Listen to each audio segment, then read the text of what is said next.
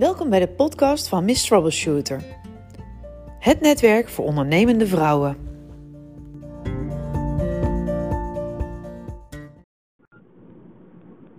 Hi toppers, nou ik zit in de auto en ineens eh, moest ik iets aan iets denken. Ik ben namelijk net bij de Action geweest en ik heb een afspraak gemaakt in deze gekke tijden, want ik had echt een cadeautje nodig voor een vriendinnetje van mijn dochter. En ja, dat was bij de Action.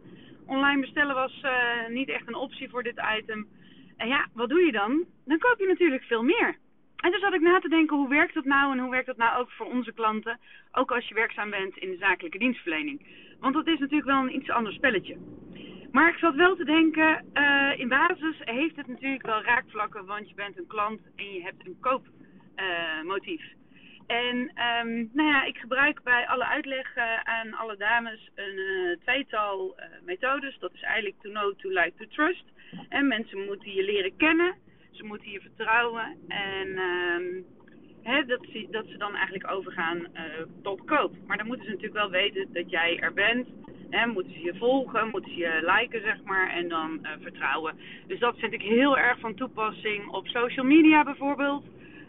Um, op je website, weet je, het moet allemaal duidelijk zijn. Maar dan heb je er eigenlijk nog één en die moet je maar eens opzoeken. Dat is het AIDA-model. En dat is Attention, uh, Interest, Desire en Action. En dat betekent eigenlijk dat je dus ook inderdaad, net als bij het To Know To Like To Trust model, uh, mensen moet motiveren om jou uh, te liken en dat je moet inspelen ook op het verlangen van jouw klanten.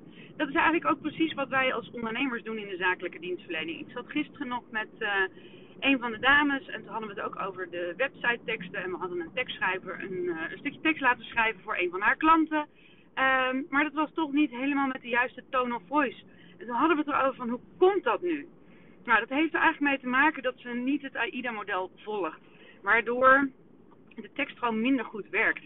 Dus ga jij nou aan de slag en wil jij zelf je teksten schrijven voor je site, uh, gebruik dan het AIDA-model. Dus zorg dat je uh, je bezoeker hè, prikkelt, interesseert. Uh, dat je dan inspeelt ook op het verlangen wat er speelt. Wat zoeken ze nou? Wat is precies die pijn bij die klant? En speel daarop in. En zorg dan dat er actie ondernomen kan worden. Dat ze iets kunnen volgen, dat ze iets kunnen liken, dat ze iets kunnen downloaden, uh, dat ze zich ergens kunnen inschrijven voor een nieuwsbrief, uh, dat ze een leuke test kunnen invullen. Noem het maar op, je kunt het zo gek niet verzinnen. En uh, nou, dat wilde ik nog even met jullie delen. Ik wens je een heerlijke dag.